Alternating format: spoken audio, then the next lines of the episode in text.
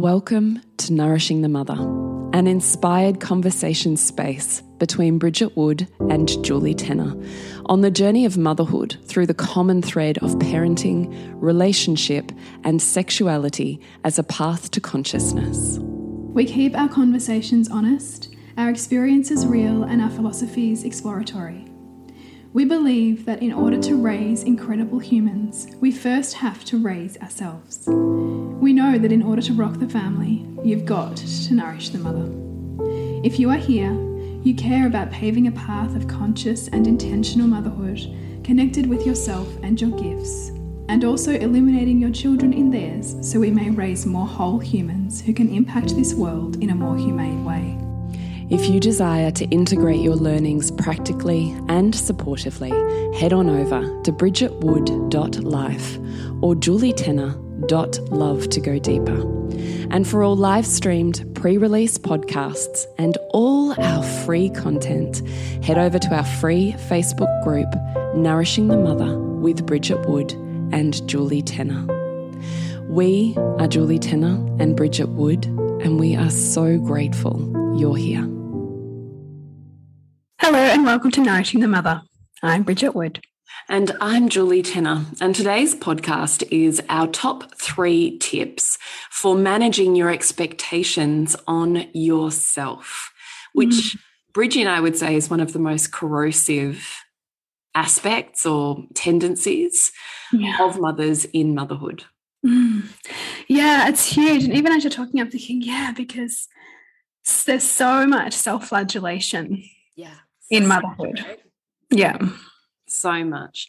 So, what we want to do is offer you a podcast that is three tips that are concise and like a beautiful journal or workbook that you can follow really beautifully when you find yourself spiraling mm. because of the expectations right now. I mean, so much that we know out in the world, both spiritually and through various relationship um, people, coaches, research will tell you that the cause of your suffering is the expectation and the falling short or the fall from grace mm. that you experience. So the expectation is the problem, not your experience. Yeah, or, or not not the other person necessarily. It's you know, it's like what hurt you? Oh, my expectations hurt me. Yeah. so crushing, right? Because we want to have, you know, dream big and we want to have high expectations of ourselves, but also sometimes those are the very things that undo us. Oh, man, so much. So, we want to make this really succinct for you. So, step number one on managing your own expectations on yourself, because as you know, this podcast is nourishing the mother. We know we've you've got to nourish you for this gig to work. Mm. So, number one is actually recognizing that you're running an expectation on yourself, mm. and that because of that, your perception is that you're falling short. Yeah. Yeah. And it's funny because I kind of love that we have these expectations because they help us to, you know, live a life that's aligned with our values and to ask more of ourselves and our healing. But at the same time, we can very often attach to the impossible or expect ourselves to be spaciousness all of the time or not get really angry or be more patient. You know all of these things that are beautiful things right to cultivate but also cannot be cultivated 100% of the time. Mm. and so mm-hmm. what then happens is we we fall from this impossible grace that we've um, that we're trying to be, be. And then the self-flagellation in you know, inward rage or inward kind of beating up of self happens. Yes. And you spiral. Yes so when you find yourself beating yourself internally, black and blue, mm. or flagellating your and whipping your own back to do more, work harder, it's because you're not doing enough. So just do more, be better. Just try harder. Right. Any version of that. When you recognize that you're there and it feels there's a very condensed energy about it. It feels very frustrating, almost mm like you're irritated at being in your own skin. Yeah. Then I just really, the invitation that we have here is you can't change anything until you have awareness. mm So you just need to spend a little minute going, hang on a minute. when I'm here and it feels like this, it's because I'm comparing myself to something Mm. or someone. That someone can be real or that someone can be a complete fabrication that we've made up. Mm. So we just want to recognize I'm here, hold the horses to stop the spiral, just like, whoa, slow down. Recognize that you're running an expectation, not that this is a truth. So, step one, recognize what your symptoms are of you running an expectation and start to pull yourself up in them. Mm. And and a good kind of indication that you're in this spiral is also the somatic feedback you're getting. Like you might find your breath quicken, you might find that your body is like hot or there's a heat, you know, kind of almost an Mm. intensity to it. Mm. You may be like um like furiously doing things as a way to try to do Yes. something with that energy. Yes. And so the like cooling down and the pause with that breath and like that Yeah. kind of inventory of like what's my thought process going like to lead me here yeah. can Yeah. just be like putting the brakes on. Another good way to know you're there is when you are really polarized and in, you know, making somebody something, or you're really black and white with your view. Mm. It's just really beautiful to understand, oh, I'm here with this story. Yeah. And actually, as you were saying, yeah, as you're saying that, I'm like, yeah, you know, one of my symptoms of this is that I start like pinging it out at Nick.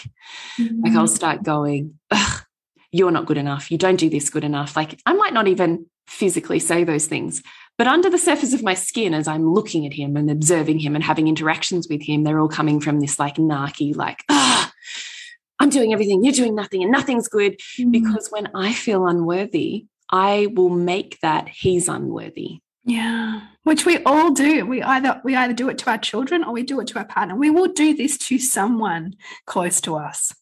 So even as you were saying that, I was like, yep, there's another symptom for me that Yeah. I pattern interrupt. Now I recognize when I'm doing that, I'm like, oh, this isn't truth. This isn't about Nick at all. It's all about me. It's so so funny to uh, because I'm the same actually, and I notice when I'm like I've been like this the last few days with my husband, who's exhausted, and I'm like, God, just like get some sleep and better, like you know, or Like disappointing. come on, like just Yeah. do something more, which is really how I feel about myself. Yes, exactly. Right. Right? What I'm So saying. He's just like the the place I get to throw it.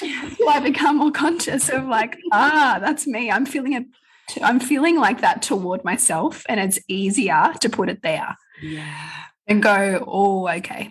Same thing with our kids. Like same thing. Like my, I mean, look, we're going to make this quick, but this morning my my toddler was screaming at the top of her voice at like six thirty in the morning for more milk. Right before I could feel a rising sense of anger at my husband, just because, right? Just because. And I didn't speak it. And so she did. Mm. So also just noticing how the family dynamic is is arranging itself Mm. around you Mm. to help you see your stuff. So beautiful. I really love that you said that. For me, it'll be my teenage daughter. Oh, is it? Yeah, she gets a narky, bitchy, dark kind of energy. Which, funnily enough, I actually find quite humorous and I'm very happy to be around it. And my it irritates the absolute crap out of my husband. He's like, I cannot, I, I just, he can't even be around it. Like he does his best, but it's very condensed. You know, Yeah. he's like, you know, I'm It's here and so I'm great. like, you're so funny. It's so great to normalize this because we all have our thing. Yeah. And when we can go, oh, this is my thing. I know I do this thing. yeah. And we get to shine a light on it and go, like, kind of make friends with it. yeah. And go, oh, hello, hello, habitual pattern. Yes. How do we want to play this today? Yes, totally. So, number one is you cannot change anything you're not aware of. So, first off, work out what your blueprint is and start catching yourself in it. Mhm. Then, if you want to, what you can do is either of these next two steps, which are quite mental processes. And what Bridget also offered in there, which I hope you caught, was also coming back to a somatic process. So, can I cool this? And I would say there's probably two ways to go about that. You can either decide if you've got the spaciousness to move deeper into that feeling, how irritated and irritating can I really be, and really move that through and out of my body in a cathartic way. Or I haven't got the time and the space right that how right now, how can I cool my jets and come back into regulation and come back to what's really going on for me? Yeah. Yeah, because you have you have those two options depending on your time and capacity. Right. Totally.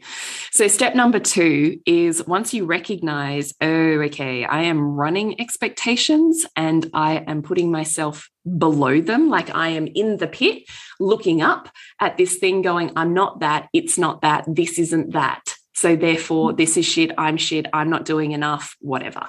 So, you've minimized yourself and put yourself down in relation to this thing, person, construction that is so much better so you want to recognize who's on the pedestal. And actually drill down to this because we, we did a bit of an exercise on this reimagining motherhood recently in Recalibrate. And we realized that for many women, they had created not even a real person, but mm. like, but like the embodiment of like four different women in their life wrapped up into one person. Mm. So of course, you're always always going to be in the pit in comparison to that, because nobody is that thing all of the time.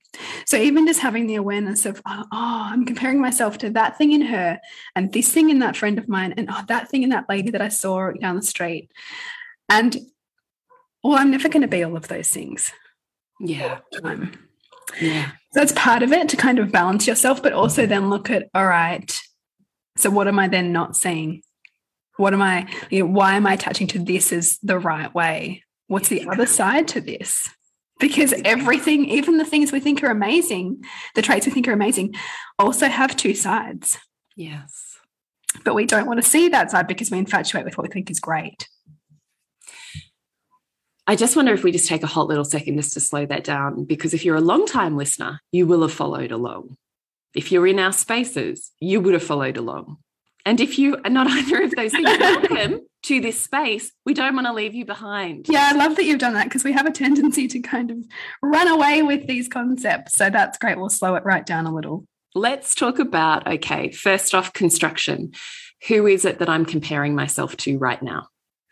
So you could ask, where did I learn that? Who is it? What are the traits or the ways that I'm saying I should be is the right way to be? Mm. Who is that? Is it a construction of several people? Is it a total fantasy human? Is it one human that I know? Like, just who is it? Mm. And then deciding if that is one reasonable. Is it actually even possible, or is it a total fantasy because it's a collection of all of these different people? Mm. Or two, as Bridget's saying, can I balance this out? Can I balance the human if it's a real person that I'm comparing myself to? Can I balance this moment or emotion and say, where is the other side that balances this out? Because when I'm, I don't know, resentful and not enjoying parenting, in my mind, I mean, I can say this is what happens for me. I automatically compare myself to the idealized present conscious parent that I have in my mind who would be present and happy to be with her children all of the time and listen to every one of their needs. Mm well, one, that's not possible because yeah. I'm human, not soul or robot. Yeah. And two, I'm getting a heck ton of benefits, as are my children, in the moments where I'm also the opposite of that thing I'm holding as an ideal, mm. which is what Bridget's talking about. Yeah. Thank you for breaking that down. Yeah. Oh, no. I was like, do you have anything to add to that?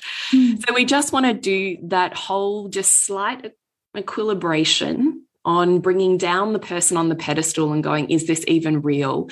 What is the other side to this human that I'm not seeing? Where do I display those traits and this human doesn't? Like just mm. starting to balance in your own perception that mm. and at the same time bringing up your current reality as it's not all bad. You've gone, pedestal is right, where I am, am is shit. And it's not true. Neither of those things are true. That's what Bridget says with mm-hmm. polarization, right? She's saying it's not true. We've gone black, white, right, wrong.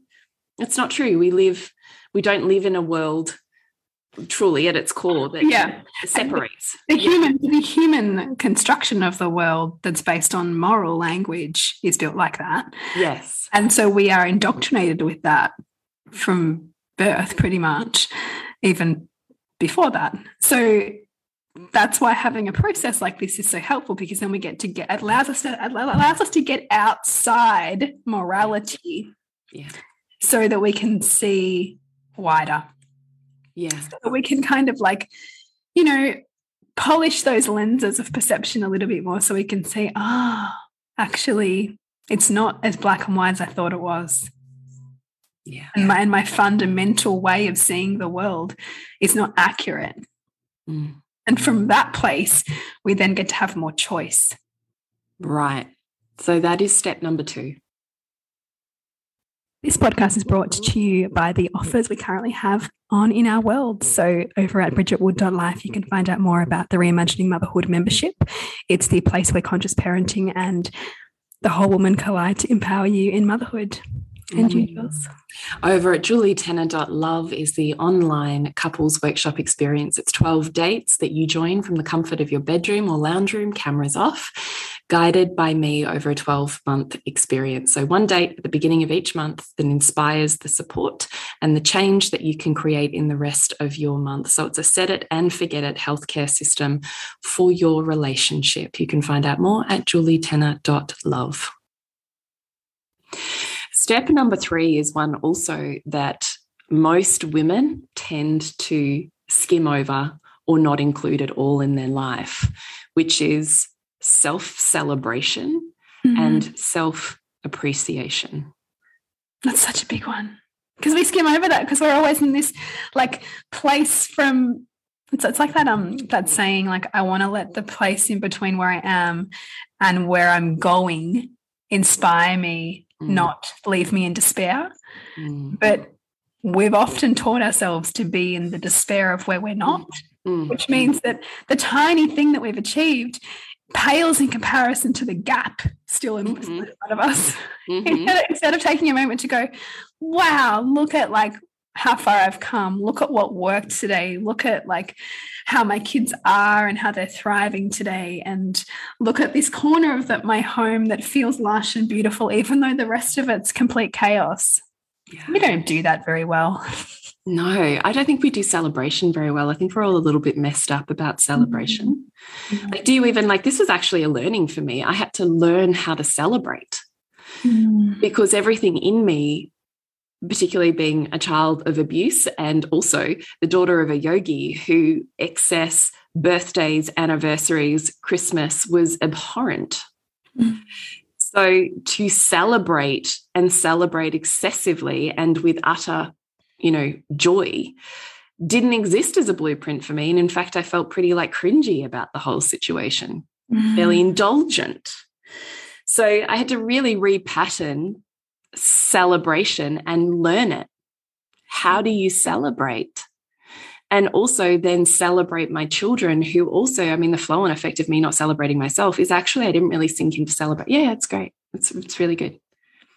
You know, and there's all this other stuff that you're not so flash at that we could get better at. Yeah. So so so quick. Because don't be so ego that you think you're so great. Because there's all this other stuff too. Yeah. So don't get too big for your boots. Yeah, right. And mm. such tall poppy syndrome and the don't get too big for your boots and, you know, don't be so ego. Mm. All of that stuff. Don't be so materialistic. So I had to really learn how to celebrate. I had to truly, I had to learn it. And what I have come to realize is that it is the language of the law of attraction. Yeah. Because what you celebrate and appreciate invites more of. Right. Mm. But in really doing that, you're going to get uncomfortable with all of those patterns. Right. Which most of us have to a degree. Like whether it's your background, whether it's like what I know to be like depression era, um, scarcity that yeah. comes through my lineage. Yeah. You know, there's never quite enough and just get what you're given. And you had a thing on, didn't you used to have a thing on presents? Like you're only allowed this, like a couple of presents or something? yeah, it was very like, you know, my mum had no toys, right? So, so there's a big leap that you go from like having no toys to giving your kids everything. Mm. So, so there's a lot of like, don't ask for too much. Mm. Um, and so I can get really edgy and uncomfortable when my when I perceive my kids to want too much and to not appreciate what they've got. Yeah. Yeah. Yeah. But, you Like know, somehow celebration or more means you don't appreciate what you have. Yeah, yeah. And I know that that's not true. Like it's it's a, it's something I've come with, but we will constantly meet the things we've come with. At every age and stage, we get to re-experience ourselves. Mm. So for you, like every time you're like coming up to a big celebration, it's like, oh gosh, how, this feels really Mm. in my body. Like I don't know if I can be here. Like My 40th, I told you this. My 40th was Yeah. the first time I've had a birthday party. yeah, Like that just celebrated me in the way that I wanted it celebrated. but that even time. but that you still really struggled to embody leading up to it. That whole you needed was like, yeah. I'll just arrive at it, which I love, right? Because sometimes we have to really put those structures in place to help us integrate these things that feel Mm. elusive or difficult to grasp at. yeah, like even having a mother blessing, right? Yes, yes. Anything with my first thought I that was totally ridiculous and unworthy to do it because it was just baby number two. Yes. And then with baby number three, I was like, fuck this, I am sovereign being. Let me Yes. celebrate that. I'm taking up all the space. Yeah. And yeah, and, and, then it becomes then it becomes something that you feel like is is integrated and that you're literate in it. It's like, oh, well, why wouldn't you do that? Yeah. But it takes us so much Doesn't edginess, Yeah. so much like push and pull and discomfort as you go through the process of claiming that as your own. Yeah. Yeah, this is why I mean it's such a valuable conversation, I think, because it's very rare that we hear this part of the conversation is how Yeah. self-celebration and self-appreciation is. Yeah, because it's usually, oh, just just claim it. It's yours, abundant. You're so worthy. I think you're amazing. And you're like, yeah, yeah. yeah. You don't really do it. No. So you've got to appreciate and celebrate and high five yourself for the shit that's changed. And sometimes I think that's like going, wow, look at me go. Me one week ago, one month ago, one year ago would have handled that situation totally differently. Mm, Wow, look at me go. yeah. Me one week ago, one month ago, one year ago wouldn't have been able to. Mm, Look at me go. And when I go, oh God, I'm not earning enough. Okay, but what have you done? Where have you brought value? Where is your wealth right now? Yeah. Where have you contributed? Where have you saved the family money that actually is like earning money? Mm, Wow, look at everything you've done. Look at everything you do every day. yeah. And when we're looking at that gap, also recognizing that if we don't spend the time to enjoy the path towards that gap, then we're not manifesting the thing on the end of that gap because what we focus on is the lack of that thing. Yeah. And so And we, and so that's just that's just going to be constantly a reality. Well, because what you focus on grows. So you're Yeah. focusing on the gap and its absence of the thing you don't have yet. And the universe is the the law of attraction. Law of attraction doesn't have a higher consciousness, it's just in a vibrational match. Hmm. It's just like, oh, cool, that's what you want. Cool, cool. Here you go, here you go, here you go. Yeah. Versus going, I want to sit in the joy of this and this and this. And they're like, more of that? Yeah, cool, here you go. Mm, So for me, part of my financial, I, I mean, dramatic shift, I really still am still reconciling that in just in my own body and lineage has been celebration. mm. And in that celebration, you're then saying, "Stay here, stay here." Like you know, the the energy, the energetic alignment is still like, This Yeah. is joyful. mm, Yeah. This is joyful. And this is joyful. And this is joyful. mm, So the end thing is coming when I stay in joy and is not coming when I stay in fuck the gap. yeah, yeah. And you know, pick your area of life, right? Mm. The joy is coming when you appreciate that one little interaction and how much more healthy it was with your partner or your child. Totally. Totally. And it builds more healthy interactions. Appreciation will will save and change your relationship. Mm. Yeah. Most couples that I meet do not have an appreciation practice. It is not part of their language. And often I would say it's the women that do not appreciate the men. I know that sounds a little harsh, but often what happens is we get so like about all the shit that we're doing, and you somehow are like this passive idiot in the background. Mm. That when you do do something, it's irritating to me. So I do not appreciate you. So all you get is it's wrong, it's wrong, it's wrong, it's wrong, it's wrong, it's wrong. You mm. never get, man, that was so fucking right. Yeah. You're making me think about dinner last night and how much I loved my husband come in and take take over. I, need to, I need to appreciate that. it's a great reminder, right? It's such a great reminder. It is. Look, it is the starkest realization that I have the great privilege to witness across the board mm. in relationship. Mm. And the beauty of when you do the work that lights your soul up is how inspiring it is for for your life. Yeah, because so, then you get those learnings yeah. and bring them in. Right. So by yeah. virtue of the fact that I am starkly, because you can see everyone else's shit way clearer than you can see your own. Mm. So the fact that I can see that is also medicine for me. Yeah. That's so when I, greatest. Right, like how amazing is it when I can say, oh, okay, I'm seeing this in this call or human today. There's a part of me that that's meant for too. Yeah. Because we're in a co created relationship also by virtue of being in a coaching call. So, appreciation and celebration, girlfriend, of yourself and your life and the moments that bring you joy will allow them to bring you more. Mm. Beautiful. So, to connect with you, Bridgie, what have you got going on in the world? Yes, reimagining motherhood membership. I have just a couple left of some bundles, which are six months in reimagining motherhood and six months of coaching with me. So you can find out more about that at bridgetwood.life. And you, Jules? I have my 12 months of dates for couples in an online virtual experience with me. So it's 12 dates, one a month, that you two show up for to have a private experience, just the two of you, but guided with practices and questions by me that you otherwise would probably never get to or make the time for. So let's make some epic connection. You've got my support if there's any glitches, and you can find out more at julietenner.love. Beautiful.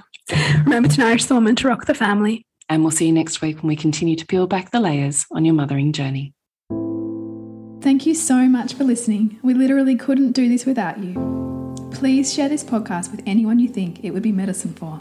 If you desire to integrate your learnings practically and supportively into your life, then head on over to bridgetwood.life or julietenner.love to go deeper. And if you feel like giving back a little to this free content, Please rate us on iTunes or Facebook, all of which helps the podcast reach more mamas who need this type of tonic for the soul.